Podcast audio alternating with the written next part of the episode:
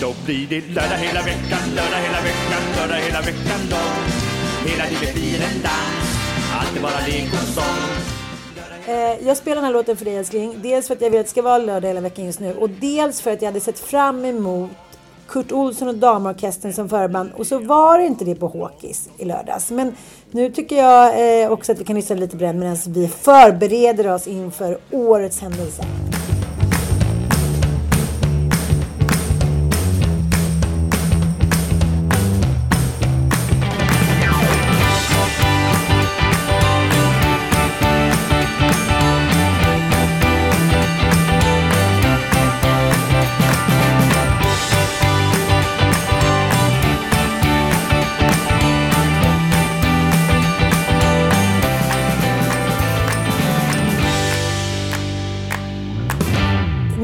Jag eh, fick ju ett sms av dig och frågade hur det var och eh, då sa du att ja, men det är okej. Du hade varit hos din mamma i helgen. Mm. Ja, hon är jättedålig nu. Ja, eh, ja men du visade ju en bild och eh, ja, det känns ju som att det, det kanske sjunger, hon sjunger på sista refrängen.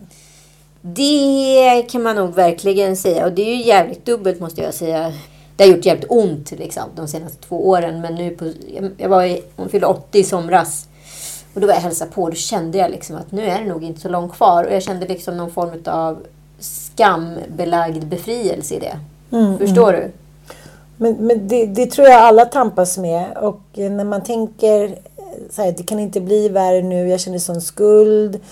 Eh, jag skulle varit där mer och hit och dit. Så, så är ju oftast, men, så är det ju en befrielse när en människa som mår dåligt går bort. Men sen har man ju den där själviska inre liksom känslan att man vill ha någonting. Man vill ha en, en människa som man har älskat. Skalet är bättre än ingenting. Förstår du vad jag menar? Ja, precis. Och jag tror liksom det är så mycket i och med att hon har varit rätt konstant, skulle jag säga, senaste två åren i, sitt, i sin sjukdom.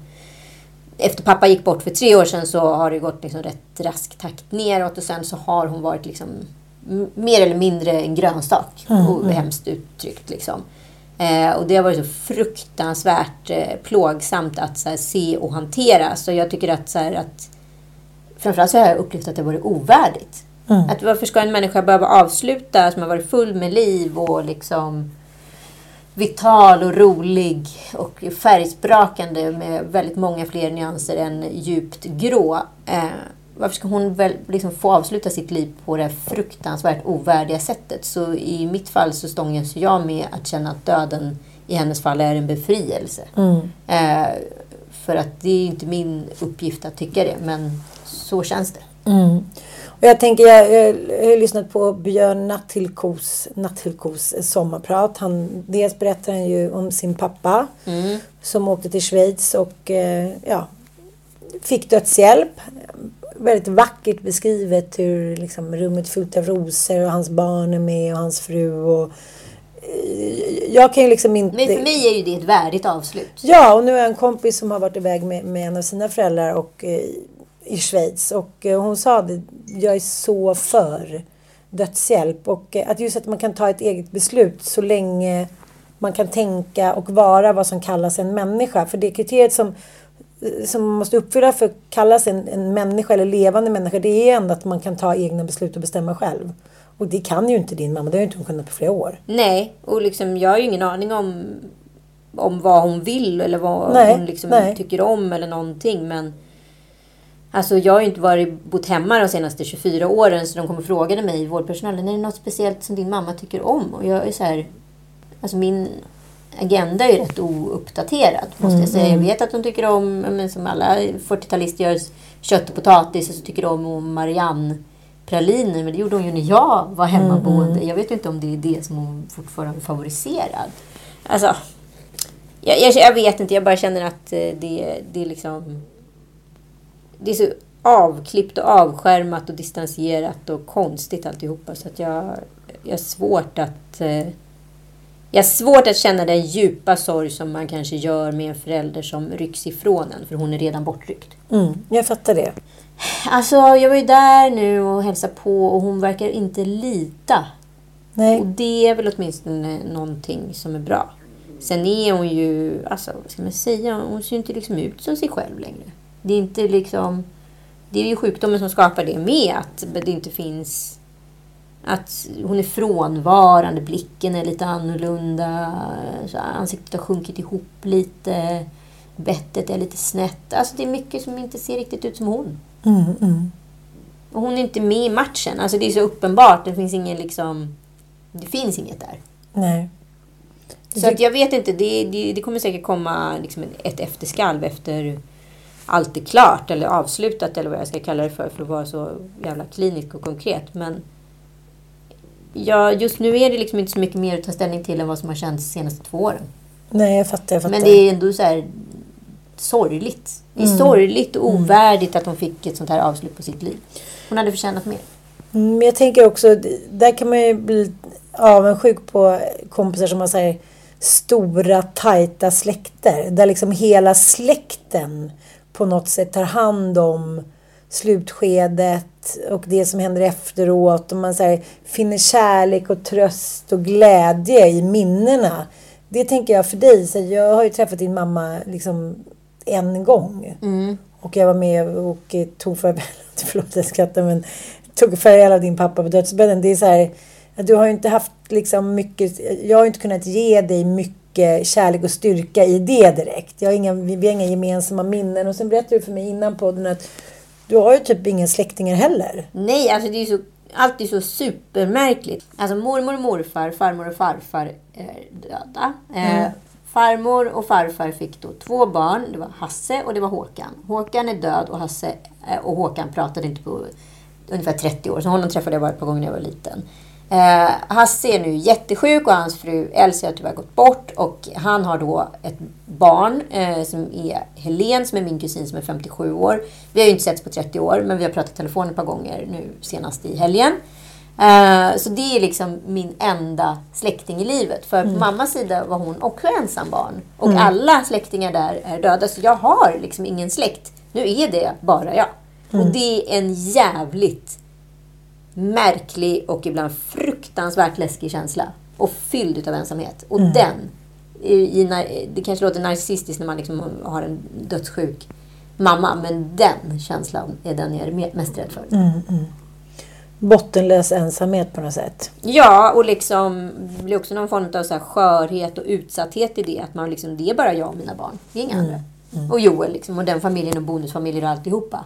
Men det kommer aldrig ersätta det, det som en gång var. Det finns ingen som kan berätta min historia från Örebro eller när vi bodde i Strömstad. Och liksom Ja. jag, jo, men jag kan inte komma ihåg alla barndomsminnen Nej. heller ut, med, utan hjälp utav... Men kommer du ihåg den där situationen? Hur var den? Nej, men det var ju han som... Det finns ingen som går in i mina minnen och rättar till dem eller förklarar hur det var. Nej, men jag fattar.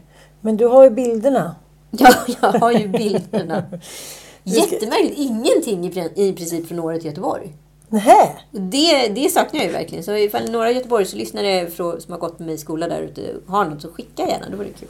Gud vad roligt. Nej, men vi sitter här med Det här var ju också århundradets skamsköljning. kryptonit. Vi sitter här med kryptonit. Igår efter vårdbesöket så åkte jag till eh, lägenheten där mamma bor eh, på vårdhemmet och eh, tog ut helt enkelt de bilder som fattas min barndom för att ha någonting kvar. Liksom. Hon har i alla fall sparat dem. Det har hon. Many of us have those stubborn pounds that seem impossible to lose, no matter how good we eat or how hard we work out. My solution is PlushCare. PlushCare is a leading telehealth provider with doctors who are there for you day and night to partner with you in your weight loss journey. They can prescribe FDA-approved weight loss medications like Wagovi and Zepbound for those who qualify. Plus, they accept most insurance plans. To get started, visit plushcare.com slash weight loss. That's plushcare.com slash weight loss. Hey, I'm Ryan Reynolds. Recently, I asked Mint Mobile's legal team if big wireless companies are allowed to raise prices due to inflation. They said yes. And then when I asked if raising prices technically violates those onerous two year contracts, they said, What the f are you talking about, you insane Hollywood ass? So to recap, we're cutting the price of Mint Unlimited from $30 a month to just $15 a month. Give it a try at mintmobile.com slash switch. $45 upfront for three months plus taxes and fees. Promo rate for new customers for limited time. Unlimited more than 40 gigabytes per month. Slows. Full terms at mintmobile.com.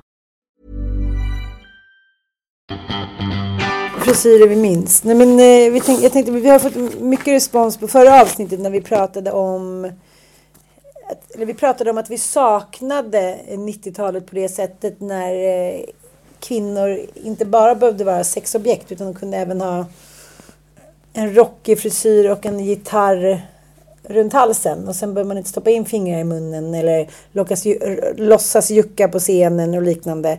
Att det fanns kanske två dimensioner av människa vilket gör eh, eh, Ja men det gör det ju nu också. Men så skickade min kompis Åsa en bild till mig när vi var så här, ja men kanske var 17-18 Eh, när vi båda står i så här påsar med, liksom, mm, med läpparna. Jag trycker ihop brösten. Mm. Och hiten och dit när vi tar bild på varandra. Men det var ju ingenting. Det gjorde ju vi för att vi var lite fulla och tyckte det var kul. Det var ju ingenting som lades ut på nätet. Nej, för alla unga människor har ju en sexualitet. Och vill utforska och vill testa gränser. Så det, är inte, det var inte det vi menade. Om någon trodde. Vi har inte fått någon kritik för det. Men, men, det är just det, bara det endimensionella sättet som det utövas på, om man säger så. Eller? Ja, men precis. Idag är det ju, vi pratade ju om liksom kontakten mellan sociala medier och människan. Att man hela tiden kommunicerar utåt och pratar med, direkt med mottagaren för att det är två personer sitter och pratar om ett tredje objekt. Liksom att det är en förflyttning i hela liksom, kommunikationen. Och saken är den att det är inte så att unga människor inte har en sexualitet. Det är klart att det är kul när brösten är nya och, och kroppen har format sig och man börjar känna liksom, sig snygg och attraktiv. Att det, in, det ingår i vår biologiska fas att egentligen liksom rent alltså, biologiskt historiskt så ska vi skaffa barn och attrahera en partner runt den tiden. Så det är inte så konstigt att vi vill exponera oss och visa upp vår bästa sida, om man nu ska kalla det för det. Mm. Men eh, det som blir så konstigt när den här, liksom, som egentligen är en hormonell fas, kidnappas av musikindustrin eller sociala medier, då, får, då, ju, då blir ju liksom uttrycket odödligt på ett mm, märkligt mm. sätt och du hela tiden definieras utifrån. Precis. Istället för att det bara är en fas och så fortsätter livet. Om det mm. finns liksom lite tuttbilder eller whatever på ens privata foto foton hemma. Mm, det är ju mm. ingen fara, men det finns ju inte det idag. Utan idag läggs de ju ut. Mm. Och då blir det definierande för en arbetsgivare eller what, whatever. Liksom. Men vi pratade lite om det. Jag var på en lunch så, så att vi pratade lite om men före och efter metoo och att vi tycker liksom nu måste det ske någonting lite explosivt igen så att inte allting rinner ut i sanden. Och då pratade vi om det här som många av ja, många av mina kompisar i alla fall har råkat ut för att killar har legat med när man varit full eller sovit. Att man mm. har vaknat upp av att någon håller på och ligger med en. Mm. Och hur olika reaktionerna har varit på det. Om jag skulle vakna upp av det idag, sen hamnar man ju i chock. Men jag tror inte att jag skulle så här, normalisera eller jucka med om man säger så. Eh, nej men det är, ju, det är ju jävligt svårt att definiera ens hur man skulle reagera. För ja. Det beror ju också på vem det är som gör det. Nu skulle inte det hända tror jag mot förmodan att Joel skulle sitta på mig när jag ligger och sover. För att man är liksom rätt samma, sammankopplad mm. som par och man vet vad man gillar. Liksom. Men mot förmodan, om det skulle ske så skulle jag ju mer bara, vad fan håller du på med? Ja, ja precis, men det är ju din partner. Men en kompis med berättade att hon hade varit på en av de här ja, Finlandsfärjorna. Ja. och eh, hade vaknat på morgonen. Det fanns ju också ett det var ju inte någon direkt koll på åldern. Man kunde ju åka på olika resor utan att liksom, det var någon som beställde hela resan och så kanske hälften av gänget var 16 och hälften var 18 och någon jävel var liksom 14. Mm. Och då hade hon vaknat på morgonen och blivit så jävla full och så hade hon vaknat av att man känner att någon har liksom Uppenbart ja, varit i en. Precis. Inte så här, åh det gör ont eller så. Hon bara kände det. Ja, ja men vadå, det är väl sekret och allt möjligt? Ja, precis. Hon var såhär, här, gud panik, tänk om det är liksom, ja, nu pratar jag så, som en 90-talstjej då, då. Tänk om det är en lastbilschaufför, tänk om den liksom, det var ju hiv då också, det kan ju vara vad som helst. Och sen så, eh, så sa hennes kompis, nej men det var XX. Hon bara såhär, åh gud vad skönt. Så när han kom så gjorde de liksom high five. ja, men liksom, den reaktionen så här, okej okay, jag får väl skylla mig själv, jag blev full och våldtagen. Alltså in, inom mm, Vilken tur att det bara var han. Precis, alltså, vilken tur att jag blev våldtagen. Det var inte så hon tänkte utan alltså, vilken tur att, att det var han som liksom ja, låg med mig och inte någon som jag inte visste vem det var. Ja. Och nu så här, och vi bara, vi måste hashtagga share your memories. Och så bara kom det fram fler och fler sådana historier. Så här, man så här, klädde på sig innan man skulle gå och lägga sig i munkjacka och typ mjukisbrallor och så här. Och ändå... Att det var liksom carte blanche. Det var, killar, det var okej för killar att göra såna här grejer. Man vaknade upp av att någon låg med en och var såhär, jaha okej. Ja, då, hela tiden, den första tycker jag inställningen som man hade fram till metoo, inte hela vägen, men i alla fall 80 och 90-tal. Var ju såhär, jaha, jag, jag var väl med på det. Och det här att det är mitt fel. Och det tänker jag mycket nu med Katarina Wenstams bok. Den har ju tioårsjubileum nu, Flickan och skulden. Just det. Där hon går igenom då våldtäktsfall och liknande. Och hur det fortfarande är så stigmatiserat och att man skyller väldigt mycket på tjejen. Vilket samtyckeslagen faktiskt har ändrat. Och det finns evidens över det på, efter bara några år. Alltså det har verkligen ändrat inställningen hos både killar och tjejer. Att man så här frågar vill, vill, är du med på det här? Vill du? Och liknande. Så att det är inte alltid så himla svårt att ändra jag menar, hur människors inställning till liknande frågor. Liksom.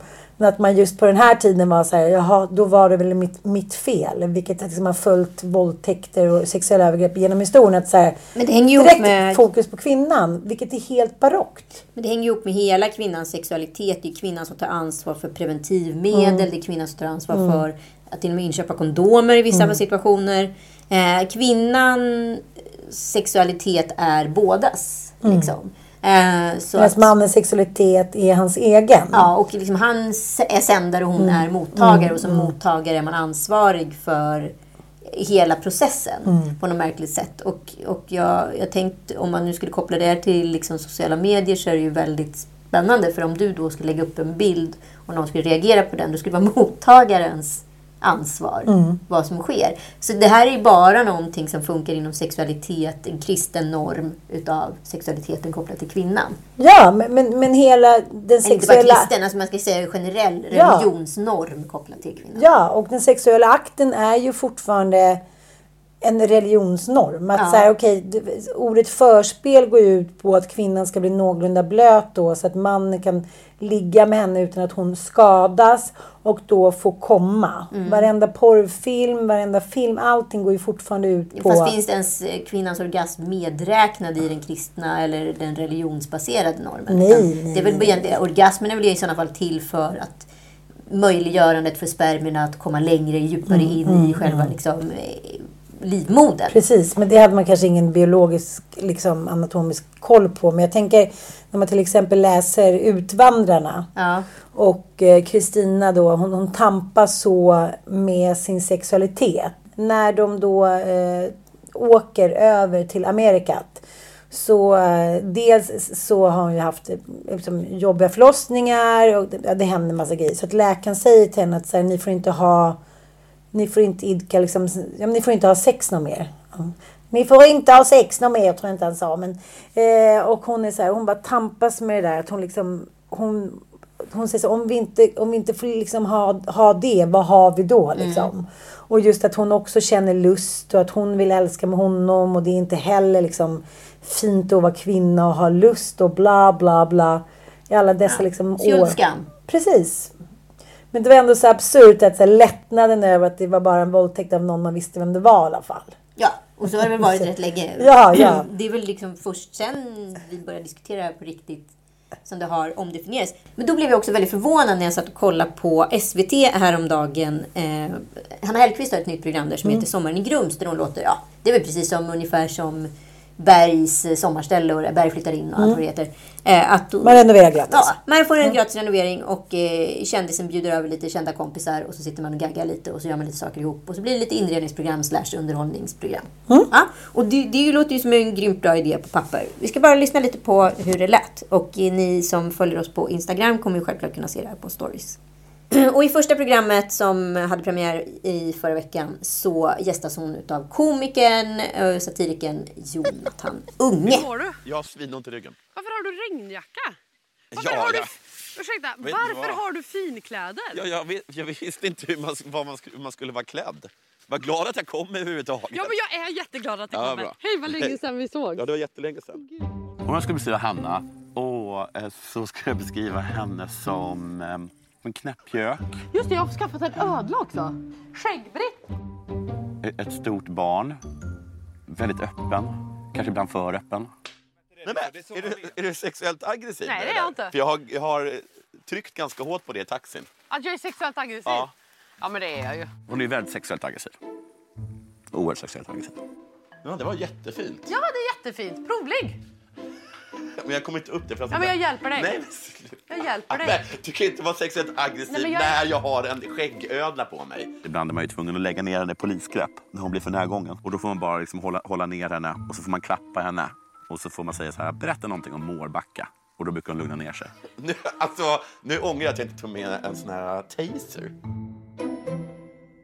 Som man hör berättelser om till exempel svenska skådisar som måste lugnas ner på olika sätt så att de inte ska börja skrika, bli för fulla eller tafsa eller göra övergrepp på eh, ja, kvinnor i teamet. Precis. Alltså, det här är ju bara tvärtom könsroller. Alltså, så här, om, om Hanna nu hade varit, eh, låt säga Martin Timell. Och han hade då daskat sin kvinnliga liksom, gäst i rumpan. Och hon hade då eh, sagt, påstått att så här, men du är sexuellt aggressiv och Martin Timell då hade konfirmerat ja, jag är sexuellt aggressiv. Och sen då puttat ner sin kvinnliga gäst i sängen för att han då sen ska kunna komma till undsättning och hjälpa henne upp, så att säga. Eh, Det beskrivs ju liksom i ganska ABC-termer ett så här försök till någon liten sexuellt liksom övergrepp. Ja, precis. Och sen så är ju Jonathan och eh, Hanna kompisar så vi förstår ju att det här är lite som din polare som kände lite high five liksom. Jo. Att det var ju tur att det var XX och inte liksom Fast, någon fast annan. det, det du säger nu är också det farliga i hela inställningen man har i det här. För att det här visas ju ändå för kanske en miljon människor på SVT. Ja, och Unga tjejer, unga killar hit och dit. Nästa generation som okej att så kan man också vara med kompisar. Nej, men om jag tar de här historierna som jag berättade om innan. Så du säger det var ju ändå, de är ju kompisar. Eh, Båda de här killarna då som eh, hade då haft, eh, ja, den ena tjejen vaknade av att hon blev våldtagen då. Det var en av våra bästa killkompisar på gymnasiet. Och eh, den andra killen då, XX, var ju också en rolig kompis från skolan. Så att jag vet inte, det, liksom, vad är skillnaden då? Bara för att man är kompisar, får man då... Men också vad är skillnaden då för att man är kvinna eller man? Alltså den här situationen, sen är inte jag en hu- humorlös dum jävel, är ju rätt så här, över gränsen skridande på alla sätt och vis. Ja, men jag tycker att det fortsätter. Det är inte så en dask och sen så är det så här, sluta, du är sexuellt aggressiv. Och sen klipp. Utan det fortsätter att han beskriver henne Precis som om någon eh, skulle till exempel kunna beskriva då Martin Timell. Eh, eller vem som helst. Ja, han, är, hon, han är ju väldigt sexuellt aggressiv men då brukar jag du, jag tycker det här, du som ändå har väldigt bra insyn, liksom, tycker jag, i tv-branschen och filmbranschen. Vad säger du själv om det här? Hur någon redaktör på SVT, de är så jävla noggranna, måste ju, alltså, det måste ju flera ögon som har sett det här innan det släpps förbi. Hur har du resonerat? Ja, men jag undrar verkligen, för att det här, det är ingen skillnad på det hon gör, som vilken man som helst skulle bli liksom, metoo-anklagad för. Alltså, det här är så liksom över gränsen. Har man nu inte förstått att kvinnor kan inte bete sig exakt lika jävligt som män har gjort historiskt för att fortsätta vara stjärna? Eller är det för att man hamnar i hypotesen folkkär? Och tidigare har då män Mm, oftast blivit folkkära då, som, stora, som liksom stora programledare. Och då har man liksom kunnat så här, ja, Skrattat bort det. skrattat bort det och sopat mattan för det är lugnt för han säljer. Och nu är det då Hanna då som är folkkär och då helt plötsligt kan hon agera i det här stora svängrummet på ett helt annat sätt. Men det tror jag absolut. Och eh, det, jag tror också hur man ser på, på den, liksom om det är en skådis eller om det är en programledare. Ta till exempel Lennart Hyland som har ett sexistiskt arsle liksom. Alkoholist, superaggressiv. Eh, det, det finns ju väldigt många, men Cornelis. Eh, det finns ju väldigt många. Lena Nyman.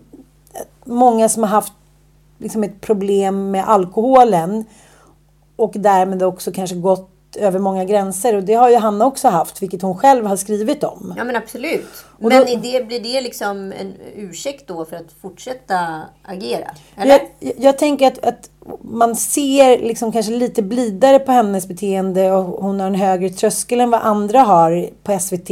Just för att hon själv har varit så öppen med allting, vilket också blir liksom en väldigt Det blir lite gaslightning-situation Precis. Jag tänker om de har suttit och resonerat. För att det skulle vara väldigt förvånande om de inte har suttit och så här, vad tycker ni om det här? Det är också inledningen på hela programmet. Ja, precis. Och liksom, jag, jag kan ju tycka så här, det är jättefint när folk delar och sådana saker. Men det finns ju ett gaslightning-moment i det här som gör att man tvättar byken hela tiden. Mm, och inte behöver ta ansvar kanske för, inte vet jag, tidigare handlingar eller sådana Mm. saker. Att man hela tiden är...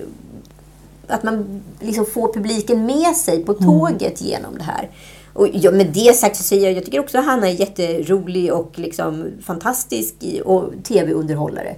Jag tycker hon är skitbra i Alla mot alla. Jag tycker hon är jätteduktig eh, På spåret och sådär. Hon är säkert skitbra i det här programmet också. Men Men jag- jag, blev, så, jag blev så...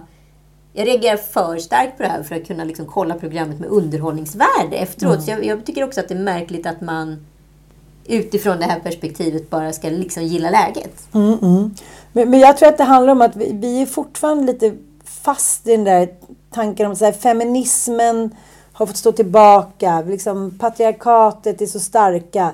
Mm, mm. Så att liksom, många feminister, vilket de flesta kvinnor är, kanske inte har sett tåget som har gått. Att det är inte riktigt de attityderna längre. Det, män är, kan inte gå in i debatten med liksom uttalanden om unga tjejer, klappa någon på rumpan hit och dit. Och att vi kanske har valt att inte riktigt se det. För att kunna ge igen eller bete oss på ett visst sätt eller vara lite gränslösa. Liksom. Men för mig så fastnar ju skrattet väldigt mycket i halsen när jag ser det här. Jag tänker lite på Michaela Moreno som är med i den här 365 dagar som var liksom Netflix eh, stora liksom, kassakossa för ett par år sedan. Eh, det är liksom en, vad ska man säga, en pastisch på, på eh, 50 shades of Ja, Grey. ja, verkligen. Där han då är då någon form av, ja det är också så jävla gaslighting situation. Men han är någon form av då kidnappar en tjej. Ja. Och, och på, efter, ja, och sen blir det jättemycket liksom, mycket sex. Så att det är liksom rena snuskserien. Alltså det är vuxen underhållning om man säger så utan att vara, Ja. vara porr. Men väldigt i gränslandet. Förklädd porr. Ja, mycket förklädd porr. Och kvinnor skriver ju till Mikael i hans feed helt öppet. Så här, Våldta mig, ha sex med mig. Alltså, de total objektifierar honom på ett sätt som är så gränslöst och så jävla liksom inte på rätt sida någon linje överhuvudtaget. Så jag bara undrar den här förskjutningen då. Eh, är det nu helt okej då som kvinna att bete sig exakt lika risigt som alla män då historiskt har gjort? Att vi inte har lärt oss någonting. Det är det jag säger. Det finns ingen liksom, riktlinje för feminismen. Så det vi gör är att springa tillbaka till liksom, de manliga Mm, mm, mm. könsrollerna och ikläder oss dem. Och, och sen kan vi hålla, fortsätta hålla på och pissa på män och tycka synd om oss. Men vi, att vi beter oss likadant, det är helt okej tydligen. Eller? Ja, men jag skulle, kan vi lyssna igen när Jonathan Unge eh, beskriver hur han ska hantera hennes då, eh, sexuella aggressivitet? Ibland är man ju tvungen att lägga ner henne i polisgrepp när hon blir för närgången. Och då får man bara liksom hålla, hålla ner henne och så får man klappa henne. Och så får man säga så här, berätta någonting om Mårbacka. Och då brukar hon lugna ner sig. Nu, alltså, nu ångrar jag att jag inte tog med en sån här taser. Vad är det? En taser är en sån här elstötare liksom, som eh, man skickar iväg. Okej. Då ska vi, eh, som de PK-kärringar som eh, förmodligen eh, Jonathan Unge kommer tycka att vi är nu. Det som gör att jag blir så himla beklämd är ju att dels rent historiskt så har man ju via litteratur eller ja, filmer eller hörsägen eller skvaller alltid fått höra om dessa typer av män då som antingen har betett, ja, men som har betett sig som skitstövlar. Att, vi, nu hörde jag någon historia häromdagen att då, liksom under filminspelningen så var det en viss person och då utnämnde man någon som fick då vara den som fick ta utskällningarna varje dag så att man skulle kunna fortsätta spela in och sådär. Okej. Ja, eh, utav liksom... ja, utav de anställda. Ja. Att du liksom officiellt så är du den som får utskällningarna då. Driftkukun? Liksom. Precis, Ja. alltså, så får vi ta hand om dig sen. Liksom. Ja. Utan, eh, så att vi ska kunna fortsätta med inspelningen. Och det här är liksom inte hundra år sedan. Det kanske är sju, åtta år sedan. Och sen hur man ser på det nu i, i backspegeln. Och så här, hur fan kunde det här gå till? Hur kunde jag säga så till dig eller hitan och ditan? Eller män då som har betett sig på ett visst sätt som ska då sexuellt liksom få någon form av whatever. Man ska på något sätt i alla fall se till att drifterna inte tar överhanden för inspelning, ja, middagar, litteratur, bla bla bla. Vi kan ju även ta till exempel eh, kulturprofilen, kulturmannen. Hur dessa män då ska på något sätt lugnas ner med sex eller med alkohol eller med liksom whatever som används under historiens gång för att liksom få de här aggressiva männen att blidga sig. Då, det är precis, det, vad är det för skillnad på det här då? Nej, men jag Så här, vet inte. Elstöt, en sån här elstötsmaskin till och med. Taser, ja. Ja, nej, nej, men alltså, jag vet inte. Sen- är de kompisar, men jag tycker ju så här, uppenbart att man ser på Jonathans kroppsspråk som har en mycket högre integritet än Hanna. Och han är, hon är hela tiden innanför hans nä- närgräns. Och han, han skyler sig och värjer sig lite hela tiden. Liksom. Du vet, jag, jag får, där, jag får så, här, så många kroppsminnen av män som inte har slutat tafsa på en Ja. eller slutat försöka. Som har försökt tjata sig till olika sexuella tjänster fast man har sagt nej. Jag har, jag har liksom också så här, eh, en kompis vars som alltid liksom, vars eh, partner liksom hi- historiskt alltid så här, måste ta i en. Men i och med att hon är med då så Mm. blir det liksom legitimt på något sätt. Och jag, jag blir så stressad av den situationen så många gånger. Eller så snubbar som försöker så här, som låtsas jucka mot en och typ när ingen riktigt ser eller en liten tafseri. Alltså, nej, jag vet inte. Jag, jag förstår inte. Jag, jag kan inte förstå att det är 2022 och det här inte är bortklippt. Nej, jag, jag, jag, jag gärna liksom hört hur, det hade, hur liksom, situationen och samtalen har föranlett det här. Jag tänker också SVT som har varit i rätt mycket så här metoo-blåsväder borde ju vara extra känsliga för sådana här situationer som exempelvis TV4 som då påstår att de har någon form av nollzonstolerans men Precis. ändå råkar ha Ja. programledarna som verkar ha lite problem med ditten och datten. Skitsamma, Men- det verkar vara, verkar, verkar Nej, men- svårt att nej, hitta men- bra programledare, så kan vi väl säga. Men inställningen till hela den här, vad ska man säga, hur liksom folk betedde sig utanför jobbet var ju så här, men vi struntar i liksom vad som sker utanför hens roll eller jobb här.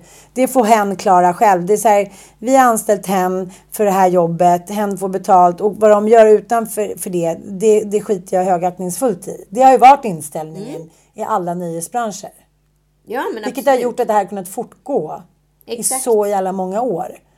Och då visar liksom SVT av alla kanaler som ändå är så statligt betalning. Alltså det är vi som, vi som svenska befolkningen betalar för det här. Och det är de som tycker så här, nu tutar vi på.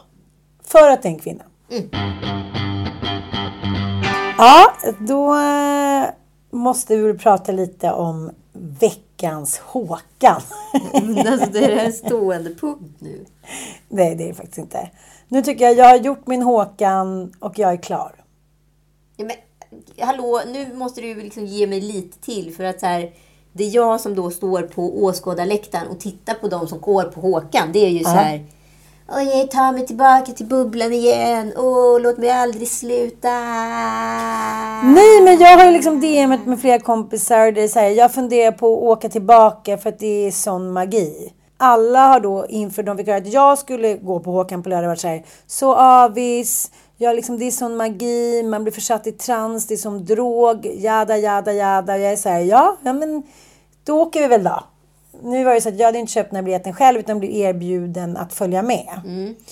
Jag hade nog inte köpt själv och liksom fixat och trixat, det tror jag inte. Jag har ju liksom tyckt väldigt mycket om Håkan och gör det, men inte på ett aktivt sätt utan jag sa, Oj, nu kommer en låt med Håkan eller så har jag haft den här, det kommer aldrig vara över för mig, älskade den kunde jag sitta och kolla på video.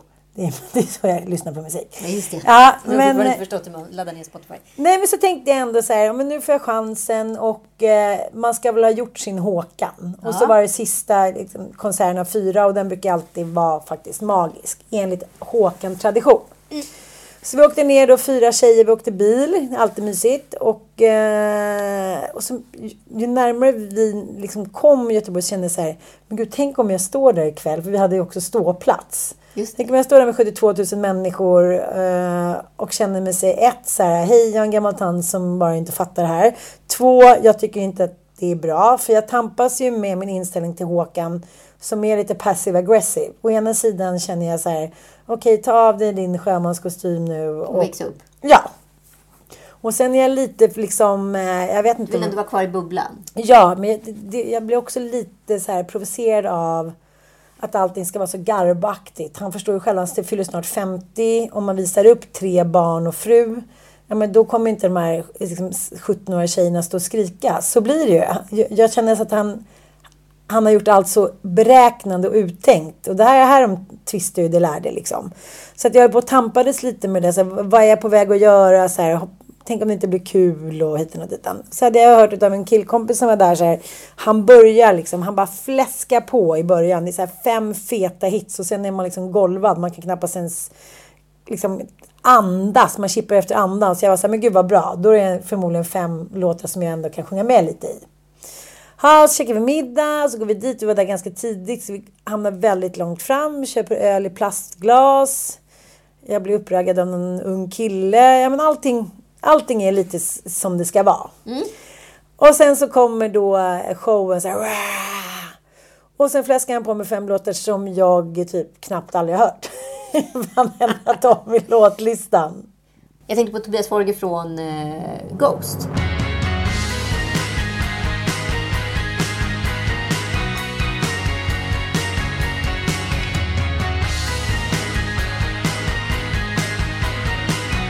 Ja. Exempelvis, som ikläder sig liksom en mask och kan liksom ha ett privatliv eh, men ändå vara liksom en artist. Jag tänker lite på Håkans Sjömans kostymer att det kanske är samma attribut, alltså att han iklär sig en ung Håkan, en odödlig karaktär. Ja. Men eh, när han går och lämnar på, liksom, eh, kanske inte han har så eh, små barn längre, men jag tänker liksom, man går på fotbollsträningen, då kanske man inte liksom går runt i sjömanskostym. Nej, jag fattar. Men, men eh, det är ändå... Alltså han, han klär sig ju yngre än vad de unga artisterna gör. Ja. Och det är mycket glitter och glamour och... Jo, men det är ju lite som att han har gått in i Tom Allans maskeradlåda och tagit liksom, Precis. attributen därifrån. Liksom. Ja, och eh, det, jag tycker han passar ju det, så det är inte det. Men sen så har jag blivit lite besatt av det där att man aldrig får se hans fru. Jaha. Ja, men det var ju så att de träffades i Brasilien. Hon är ju eh, halvsvenska. Och hon jobbade i Brasilien då som liksom guide. Just det. Tog honom till liksom, ja, men roliga sambaställen och musikställen och sådär. Och så, eh, så blev de kära så flyttade hon hem till Sverige och eh, nu har de ju tre barn. Så du passade på att ståka honom under tiden de här fem låtarna som var tråkiga då? Nej, men jag kände så här, det är också så här, vissa artister klarar sig undan. Jag tänker till exempel om, eh, vem ska vi ta då? Om Benjamin Ingrosso hade haft tre barn och en fru så hade det funnits kanske tusen paparazzi-bilder på de Men ungarna. paparazzi, han har väl fan sänt själv? Jo men, jo men om han inte hade valt att göra det. Att det är så här, vissa behandlas som kungligheter. Det fascinerar mig så Jocke mycket. Berg har ju också så superhög integritet. Men ingen vet ju i princip vem Tanja eller och hans barn har man ingen aning om. Liksom. Nej men jag vet, men det är klart att det är uträknat. Att så här, man kan inte ha den här auran av att vara ouppnåelig och gudomlig om man har ett vardagsliv. Och det här har Jens Liljenstrand på Expressen kritiserat honom för. Kritiserat. Ja, och Jaha, var så här, okej, nu kanske det räcker så här. Nu har vi hört om din ungdom hit men nu är du ändå liksom du är småbarnspappa, du byter blöjor, det är liksom kräksjukan, det är kris med frugan och så här. Men vill man verkligen höra om det? Är- det en del av rockstjärnans värld att rapportera om det?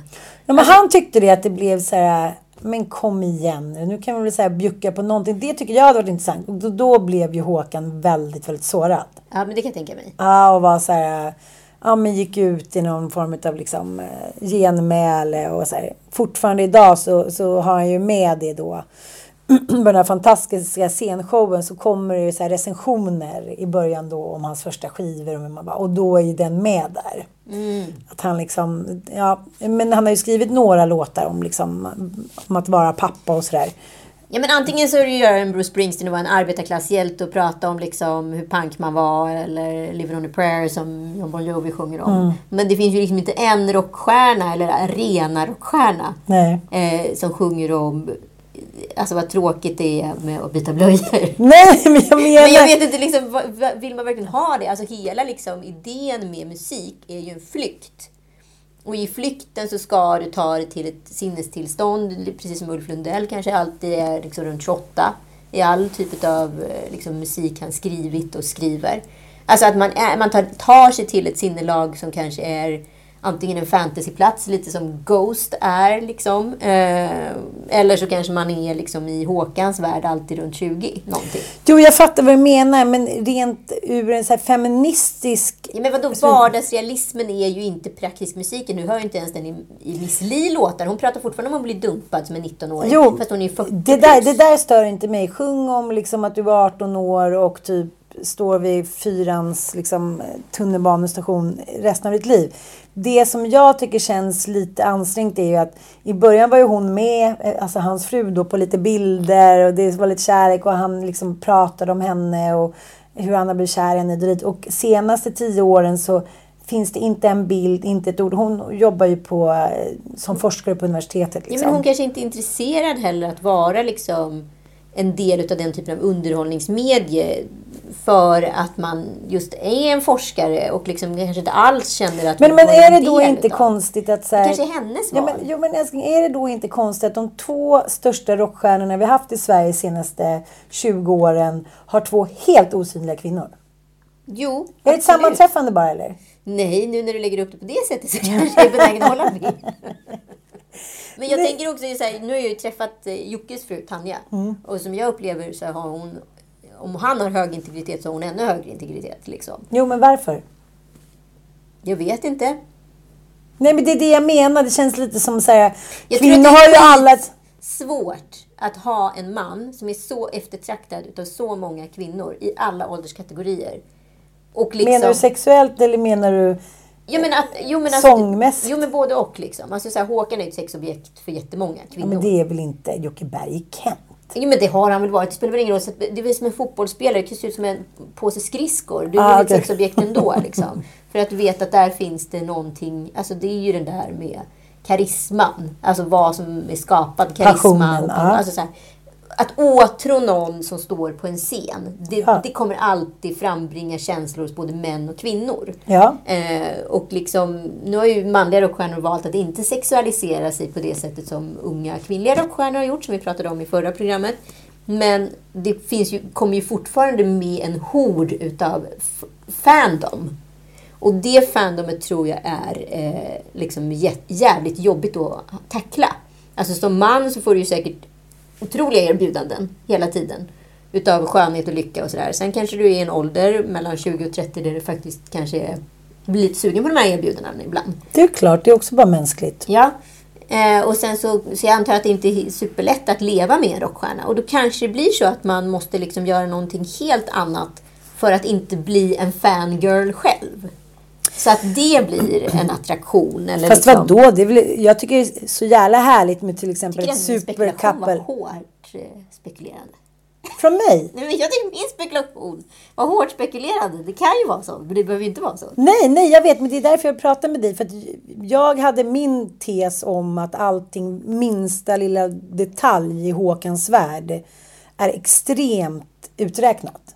Jo, men det kan vara så Ja. också. Och så var det en tjej som när vi, liksom, på vår resa sa så här, nej men jag tror han är mycket mer spontan än du tror. Ja, men allt från så här, ändra låtlistan liksom, under konserten och bla jada jada. Eh, och eh, då bara började jag luska lite i det där för att jag tycker så här, det ligger en liten hund begraven hos många rockstjärnor just när det gäller den där grejen att, att kvinnorna inte syns. Och så tänkte jag så här, som ett underbart power couple tycker jag är ju Thomas och Marie Ledin Gud ja. älskar att se dem hur de står sida vid sida och så här stolt bär varandra. Och han är liksom också en svensk superstjärna, i och för sig från en annan generation. Och hon liksom har sitt skivbolag och jag tycker det är så himla härligt att se. Absolut. Det är samma sak med Magnus Uggla. Hur många gånger har man sett hans fru till exempel? Han vill också leva på att vara en ungdom forever. Tonåringen som aldrig liksom växer upp. Ja, men å andra sidan har du liksom stenkoll på Madonnas pojkvän. Eller Lady Gagas. Eller liksom... Är det inte liksom mycket av ikoniseringen? Jag tänker också att det kommer från så här skivbolagshåll. Att så här, det är lite som att här, George Michael inte fick komma ut som gay eh, under jättemånga år för att han skulle inte sälja lika mycket skivor. Nej, men, men det är det jag menar. Det är klart att det är genomtänkt. Ja, det är regisserat. Det Ja. är klart att det är regisserat. Men jag tror också att så här, antingen tar du ju liksom en, en power couple position. Ja, men som Victoria och David Beckham. Liksom. Ja. Eh, men det kan ju också vara jättesårbart när, med, om media börjar kolla inåt. Ja, men som med hans kärleksaffärer. Då blir du rätt fort liksom, skadeskjuten. Och det blir ju skitjobbigt. Eller så väljer du liksom att ta den andra vägen och få ett helt anonymt liv men ändå leva på det göttiga. Alltså jag menar, vadå, Håkan kan väl hem 100 mil efter de här Jo, men jag fattar som den här sista konserten då. Då tycker jag att det vore helt på sin plats att hans flickvän är där. Och man ser henne och han så här vinkar. Men då faller ju hela den eviga tonåringen. Som han också ser ut som. Han väger ju typ 30 kilo. Han klär sig som en tonåring. Som Han- mig när han Ja, jag men, ja, men 12. alltså, det, det är klart att säga, det hade ju inte funkat om han såg ut som Cornelis Vreeswijk. Det är väl klart. Ja, men Jag menar bara att så här, det går inte att vara spontan eller göra saker spontant om man ska leva upp till en myt. Nej, men det är intressant för jag tänker på Bruce Springsteen då som är den andra stora liksom, arena-rockaren. Eh, men han har ju liksom haft Patti Scalifa då med i bandet. Alltid. Alltid. och Alltid liksom enad hans ungar har ju liksom också stora kända Instagramkonton. Mm. Jessica är ju jätteduktig tävlingsryttare och med OS-trupp, amerikanska OS-truppen och så vidare. Eh, men där har ju också hans otrohetsaffärer blottats då Mm. Eh, helt öppet hela tiden. Eh, Jo men det är one way. Det jag menar så att den enda som vinner på att liksom hålla en partner undangömd. Det är ju den som inte vill tvätta sin byk offentligt. ja, Ja. ja okej. Jag, jag lägger mig. Tack!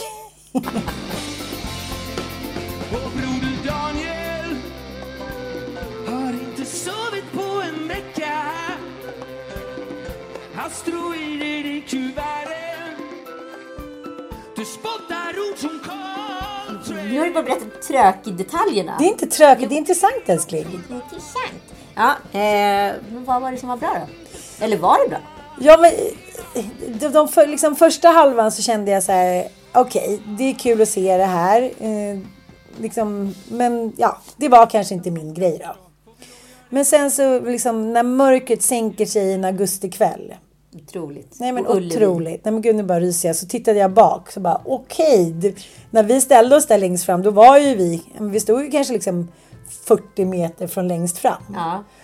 Och så säger han, eh, så säger, och så säger Håkan, nu vill jag verkligen eh, liksom upp med era lampor, så tänder alla mobiltelefonerna och så börjar han sjunga liksom. eh, Och jag är bara en grabb Har just fyllt 21 jag gjorde som du tills min kärlek försvann med en annan När lyktorna tänds På andra sidan bron Yeah Nej men då bara tittade jag runt och bara kände så här. Nej nu, nu, you had me at, uh, at hello, att lyktan. Och sen så bara kom ju Miriam Bryant in. Sen var det Friday for Futures när eh, Greta sjöng duett med honom. Kunde såklart sjunga. Men det är klart glädjen. och sen Miriam Bryant och sen så Göteborgs symfoniorkester och liksom för mig då som också ändå har vuxit upp med liksom inte Hasse och Tage kanske, jo det har jag faktiskt också. Och eh, Brasse Brännström och Monica Z. Det var ju liksom en helt fantastisk scenshow och en hyllning till alla hans eh, liksom idoler. Och så symfoniorkester. Så varför kan man inte bara... Jag tänkte så här, ha det i varenda låt bara så är du hemma. Och många, han kallas ju för falsksjungaren från Göteborg. Så här, han sjunger bättre än någonsin tycker jag. Jag tyckte han sjöng så klockrent och så nära och vackert och hans mellanprat. Och det kändes väldigt, allting kändes väldigt tidlöst. Förstår du? Inte som att det var så här 2022 och nu lever i den här världen. Utan det kändes som att och efter corona så tänker jag också att det är en väldigt fantastisk känsla hur man kanske enda sättet på ett religiöst sätt förenas är i musiken och närheten på något sätt. Ja, nej men alltså supervackert. Ja. Alltså, och sen är ju så här, förlåt att säga, men en konsert på Ullevi är en konsert på Ullevi. Alltså är man en arenarockare som Håkan Hellström, Mm. som jag skulle säga är den enda vi har i Sverige eh, vid det här laget. Då, då är man den enda som kan så här, bära Ullevi. Mm. Och då gör man det på det sättet. Men sen var jag liksom väldigt kissnödig. Jag tänkte att jag dricker den här ölen, sen går jag ut och kissar. så att jag fick liksom hoppa lite så här, hit, hit, hit. Men det var... Det var... Du skulle ha med dig vilket. Hit. Nej men det var helt magiskt och jag kände så att det var magiskt att få vara med liksom sista kvällen och det var augustikväll och ja, men det var, det var en, en härlig gemenskap och han har ju några låtar som är liksom helt jävla otroliga. Så avslutar han med Valborg och ridån går upp och där sitter liksom, eh, ja men som Miriam Bryant hade precis kört en riktigt fläskig scenshow med honom. Och eh, nej, det var magiskt så jag är jätteglad ändå. Alltså, det blev, du, nu är du i Håkan-bubblan. Är det sådär, sådär att du vill åka tillbaka och aldrig komma därifrån? Nej, absolut inte. Men jag känner att jag vill börja lyssna lite på hans nya musik. Och eh, liksom börja gå in lite mer i hans texter än att bara så här, stå på en fest eller på något uteställe och dansa och vara lite liksom fyllerullig. Jag fattar. Hans musik har ju betytt väldigt mycket för väldigt många. Absolut. Och jag, alltså, jag, jag skulle också vilja se Håkan, men jag tycker det är så tråkigt att gå på konsert, när man, eh, den typen av konsert när man inte kan repertoaren. För då blir jag en åskådare. Precis. Och man vill ju vara en del utav det som sker. Men det var ju det som hände med andra hälften. Då eh, blev ju jag en del av texten. Ja. För då kunde jag ju nästan alla låtar. Ja. Men första halvan, det, det är faktiskt helt meningslöst. Det, det vill jag ge som råd. Att om någon säger så här, vill du följa med på konsert och du har aldrig hört en låt?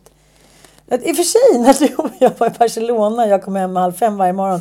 Då var jag på något band som jag aldrig hade hört en låt av och tyckte det var svinbra. Ja, så kan det absolut vara, men det är ju liksom, det är sällan det händer. Ja, det är sant, det är Alltså, sant. Jag, jag gav bort två biljetter till Joel och hans pappa till Lars Winnerbäck. För att så här, Joel fick dem i present innan coviden.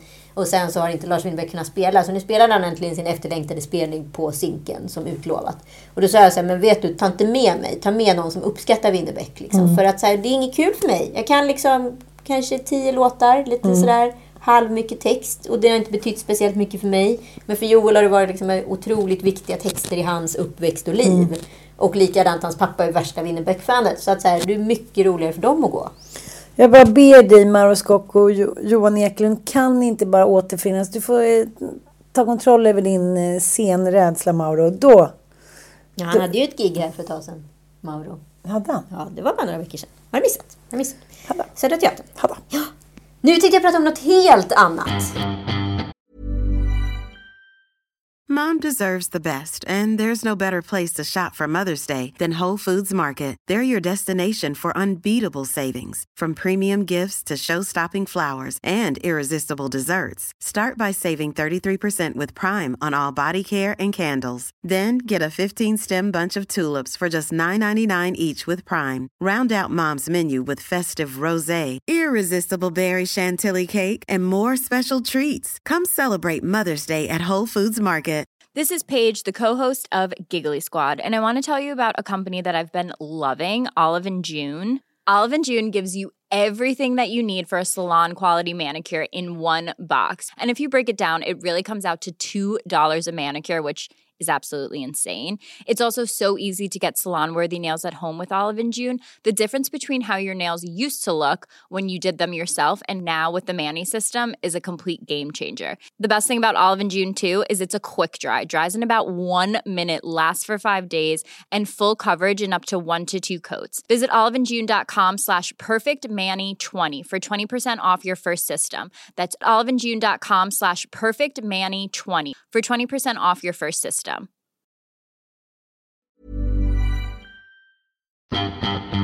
Jag tänkte prata om NFT. Har du koll på det?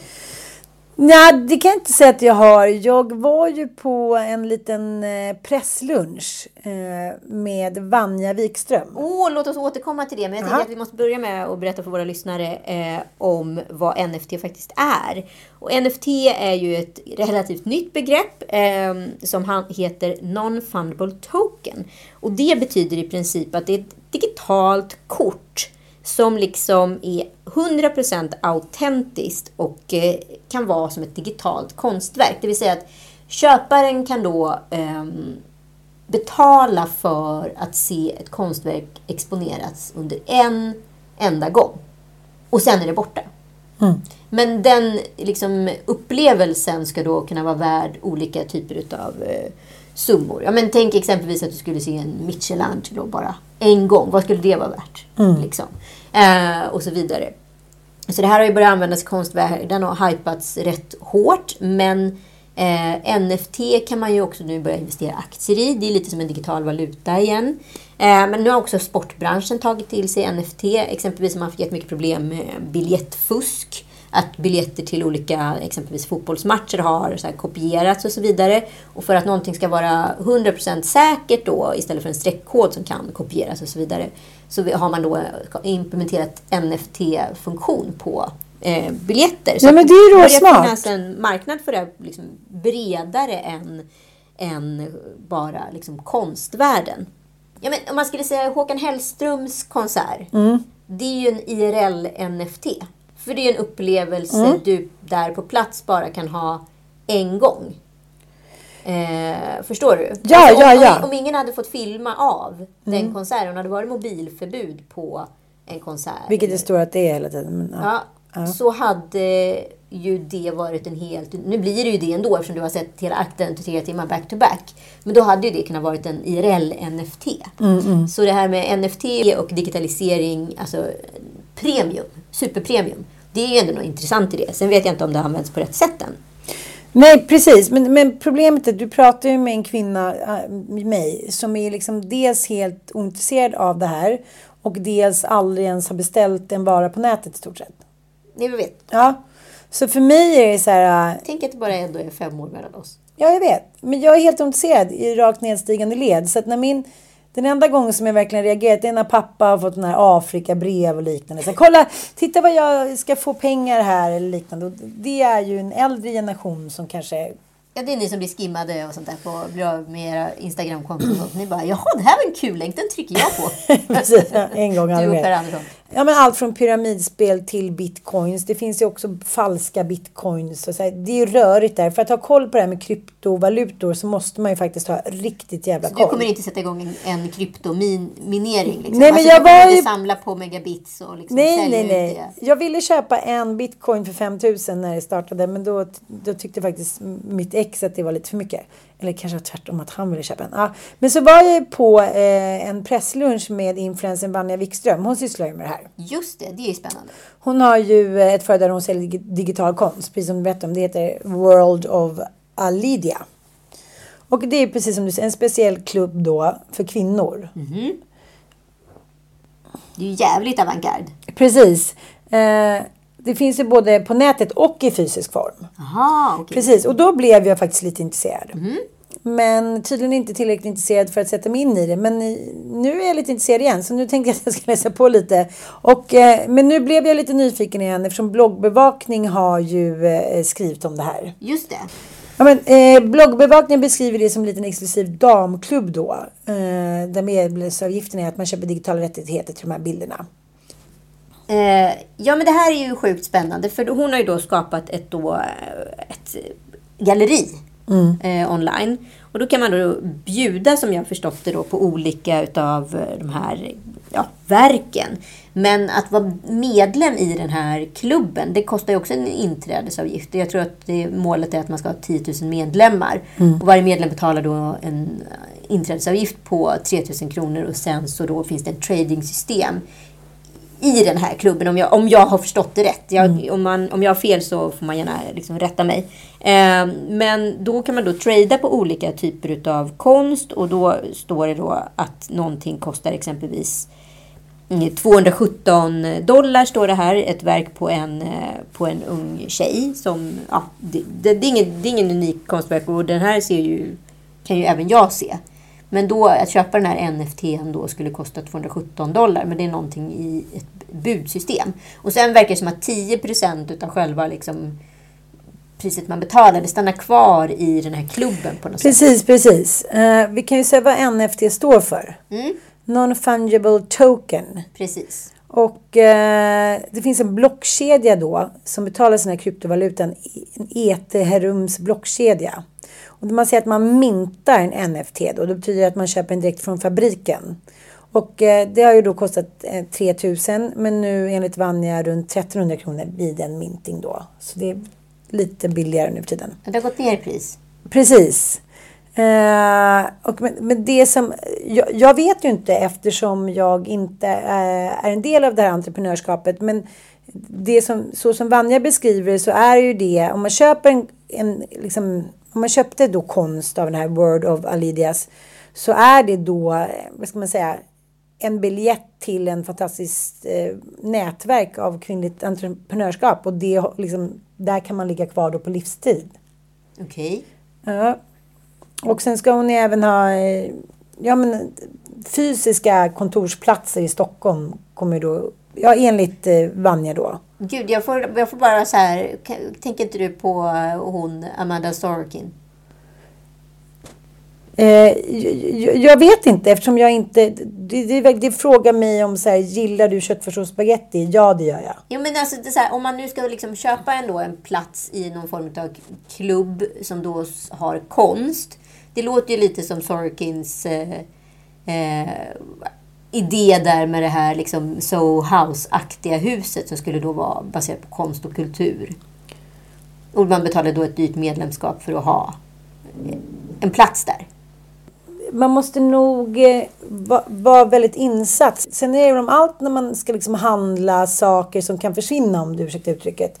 Allt från att man ska köpa aktier till kryptovaluta. Man måste ju ha så mycket mage i plånboken att här, man kan förlora det.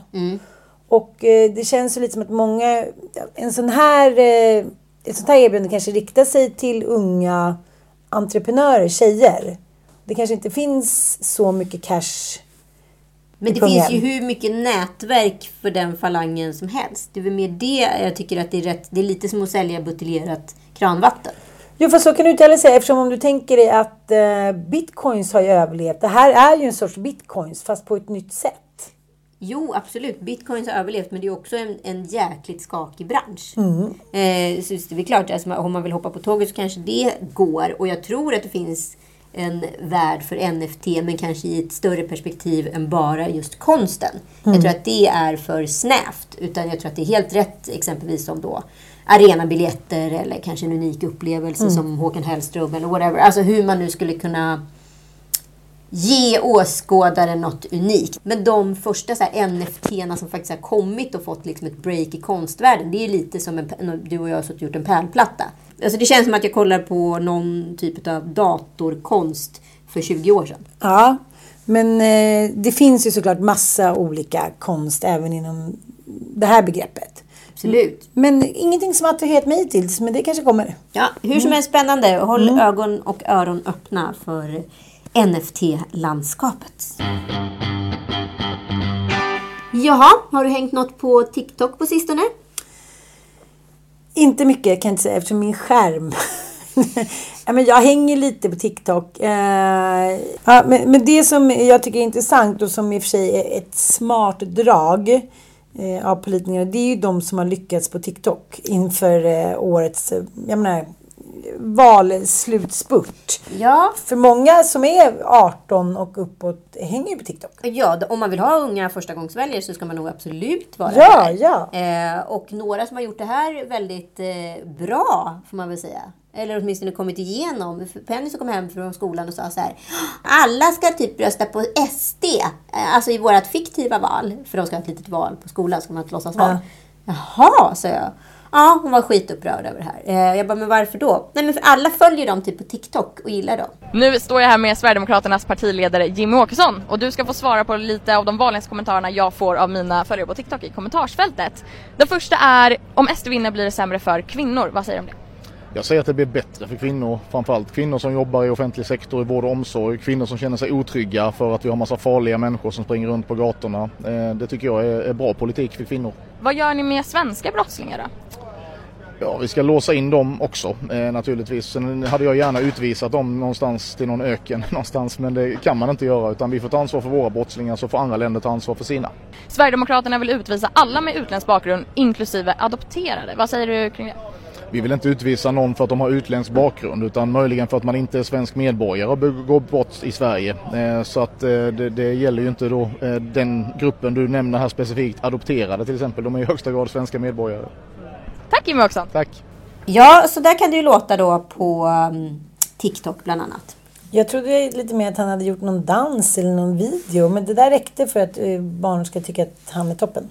Ja, tydligen. Eh, det var en intressant frågeställning där med just eh, brottslingar och så. Och sen så var det, och hur ska man göra med svenskar? De kan vara ute ett tag till och härja, men sen låser vi väl in dem också. Ja, nej men eh, spännande, spännande. Vi får väl se. Det är ju liksom valspurt snart. Mm. Har du bestämt dig? Ja, gud ja. Mm. Kommer du rösta lika i alla eller kommer du ha olika? Nej, men jag kör lite olika. Vi har ju två stycken eh, valpoddar som ni kan gå in och söka på som jag tycker är väldigt bra. Ja, men det rådet som vi har fått av vår bisittare, evige bisittare Per Granlund. Ständig sekreterare. Ständig sekreterare. Att eh, det är liksom inte ett fotbollslag utan man kan välja, man kan välja olika i kommun, landsting och riksdag. Liksom. Så det, eh, jag kommer nog köra två olika. Mm. Ja, men jag, jag har representanter från eh, båda blocken i Mm. min lilla val. Vi kanske inte får säga vad vi röstar på då eftersom vi kanske måste vara Är för vi är journalister. Opartiska. Ja, fast vi, har inga, vi går ju inte runt med journalistlägg i plånboken. Nej, det gör vi inte. Nej. Ja. Men det kommer bli tydligt vem jag ska rösta på på valdagen. Det kommer det. Minsann, minsann. Ja, det blir det för mig med. Mm. Jag, jag röstade på någonting jag absolut inte trodde att jag skulle rösta på. Ja, men säg nu då. Nej, men jag kommer rösta... Nej. Men du skämtar med mig. Du kommer göra det. Absolut. Ja, du har i och för sig följt Granens råd. Ja, Men jag det har är ju det. väldigt otippat att du blandar så. Jag tänker att de här olika partierna kommer ha olika liksom, funktion. Jag är ju inne på att jag ska rösta också i riksdagsvalet. Men du ska rösta på fyra. Nej, nej, men jag kan inte bestämma mig än. Men jag tror att det är liksom, jag kommer behöva välja, tvinga mig in att välja. Mm. Jag vet att de aldrig kommer liksom få ett fullt mandat. Men kan de komma in och röra om lite i grytan och få in några människor i riksdagen så är väl det superbra. Ändå märkligt tycker jag. Ja, men vadå? Jag tycker det är skitmärkligt att du röstar på Märkligt. Nej, men så, jag känner så här. Dels är det en så jävla plikt som kvinna att rösta på och dels känner jag så här inom de sektorerna som också eh, kommer strypas åt.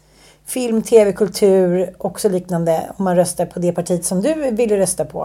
Eh, nej, det tycker jag inte är ett dugg märkligt förresten. Nej, men det tycker jag inte är ett dugg märkligt. Nej, det tycker jag inte är ett dugg märkligt. Det tycker jag inte är ett dugg märkligt. Blocket. Ja, men ja. Ja. Ja, men den där tredje. Jaha, ja. ja. Men också... De är väl också en sån här Ja, det är sant, det är sant. Ja, så jag skulle ja. säga att jag... jag vet, ju, det är skitsvårt för mig att ha en politisk färg. Jag skulle säga att jag är en rätt blå sosse. Mm. Eller en väldigt röd moderat. Mm, det är bra. Men liksom för att jag har jävligt svårt att säga att jag har en politisk tillhörighet. Jag tycker väldigt olika i olika frågor. Så att Mm. så här, för mig är det skitsvårt att vara en färg. Och jag tycker det är... Det är här, och det behöver man ju inte heller vara. Nej, Nej, exakt. nej. Men tidigare har man ju nästan liksom ärvt sin färg. Gud ja, om man bara kunnat rösta på ett lag. Ja, exakt. Annars har man varit en quisling. Exakt. Mm. Ja, men hur som helst, Ja. följ granens råd och tänk på det. Ni behöver inte lägga alla ägg i en och samma korg. Vi hörs om en vecka! Tjoho!